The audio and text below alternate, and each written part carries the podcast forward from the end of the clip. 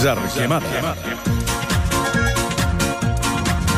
5 minuts mal comptats i les 8 ja tenim espanyols i marroquins. M'està costant aquest eh, partit a la gespa de l'estadi de Kaliningrad. Eh, també tenim el nostre Azar a l'estudi. Ricard, diverses qüestions Vinga. que em queden del cap de setmana. Ha provocat un encès debat entre Dani Sanabra i Sònia Gelmà la configuració d'aquest quadre. Ha guanyat, ha guanyat ella. Tots Que- no, estem disposats a cedir tots No dos. té que a la Champions, l'únic que dic és que a la Champions no sorteja tot el quadre. Es van fent sortejos. Va, en tot cas, eh, diguem que diguem que si Espanya aconsegueix ser primera de grup, tot i que li toqui jugar contra Rússia, ara mateix va una part del quadre molt més assequible que l'altra, on Sí. ara mateix hi ha hauria brasilers, alemanys, aquest vuitè de final em torna boig. França i Argentina, que seria un altre vuitè de final de traca, i per l'altra banda, la cosa baixa. Tot i que baixa nominalment, perquè hi hauria Croàcia, etc que de moment han demostrat ser molt millors que tots aquests que hem dit. Clar, eh, el Mundial està ensenyant-nos també que està tan igualat que és difícil triar, no? Eh, sí que fa la sensació que quan arribin les eliminatòries pot arribar el pes de les grans i que facin el canvi de ritme per poder competir de manera de millor manera, però, però és un campionat amb què jo això de triar la part del quadre ja aniria amb compte, eh? perquè, com dius, Croàcia ha estat bé, Anglaterra ha estat molt bé... Aquests no sabem per on van, perquè, com deia abans la Sònia, Anglaterra i Bèlgica, a part que són els últims de tots a jugar, i per tant aquests sí que poden triar. Aquell partit serà interessant de veure. i, i jo crec que hi ha altres seleccions que, que estan allà una miqueta eh, tapades, no? Eh, Deies Anglaterra, Bèlgica, Croàcia, que jo crec que han fet el salt, que estan ja poden considerar-se capaces de, de competir amb les millors, i hem de veure com acaba l'última jornada. Jo tinc la sensació que alguna sorpresa encara ens endurem i que, per tant, el quadre encara pot enverinar-se, mm. però, però sí, eh, el que és evident és que després de la victòria de l'Uruguai, una mica en la línia del que deien el, el Dani i el, i el Pere, eh, jo a l'Uruguai, sí, la puc evitar eh, millor. És que no hi ha manera de fer, fer un gol. Clar. Sí, ells poden estar més o menys fins, que deia Martín Lasarte. Hi ha dies que l'empenyen, que és en una falta lateral, mm. el que tu vulguis. Però fotre un gol allà és no, dramàtic. No, dificilíssim. Eh, bé, Ah, és crec, que Godín i Jiménez. clar, crec que no, no han rebut cap gol en tota la No, no, no, primera per fase, això ho dic. No, no. I, I altres vegades és veritat que han abusat de trompada. No tinc la sensació que hagi estat un Uruguai gens dura. No, bé, també és veritat que tenia Egipte i Aràbia Saudita en el grup, Cert. que fa que dos dels tres partits hagin estat una, un inici en el campionat, diríem que suau, no? fins al partit d'avui contra Rússia.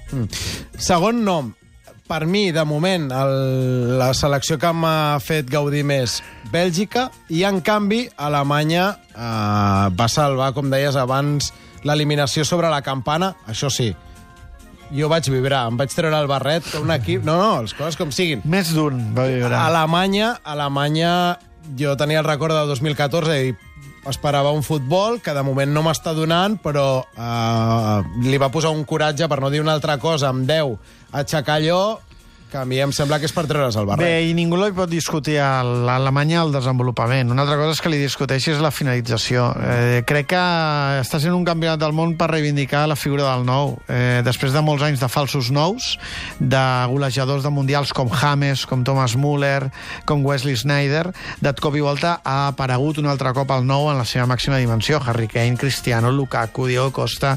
És a dir, eh, el nou està presidint i governant els partits. I clar, seleccions com Alemanya o Brasil, que s'estan movent amb nous que no són referències, Gabriel Jesús, eh, Timo Werner, eh, s'estan quedant a mig camí. Jo crec que l'està penalitzant molt, o l'ha penalitzat molt a Alemanya no tenir punt i final en els dos partits. Jo crec que futbolísticament pocs retrets se li poden fer, encara que Mèxic tàcticament eh, se'l van passar. Jo crec que Alemanya va competir molt bé, que és una selecció que no es desfà, que continua jugant allò que creu i que és veritat que se'l va salvar la campana, però compte de la maledicció del campió del món, que aquesta ja dura, eh? Vull dir, tot el segle XXI està ple de campions del món eliminats de la primera fase, eh? França el 2002, fora eh, el, el 2014, Espanya el 2010, Itàlia per tant, podria ser la quarta selecció de cinc campionats del món del segle XXI, la quarta campiona que se'n va a la primera fase fora, que jo crec que no és una casualitat. Per cert, quin golaç i en quin moment de cross. Bestial. Perdoneu, eh? Uh, la falta que fa Arda Turan, perquè és el germà gran d'Arda Turan. Durmas. Eh, al lateral de l'àrea, Ha rebut- ha va ja re- està a punt de saltar, de a fotre-li eh? un clatallot, I perquè la fa dues Guidetti també ha vegades. rebut. Amb ra ha rebut, Dues vegades, eh? Ha rebut amb raó perquè la falta és absurda, el que passa no les formes, perquè hi ha hagut insults racistes. ja no, i- amenaces de ja no mort. hi entro perquè... i, però- és intolerable. Això és Ara, jo estava de- veient el partit i vaig pensar, mare meva, ets un vedell. Bé, però això és Suècia i és Jimmy Durmas. Clar, si no, no, perdona, jugaria perdona, un altre és equip. Arda Turan a l'estadi contra el Madrid a l'últim També, minut. també, sí, sí.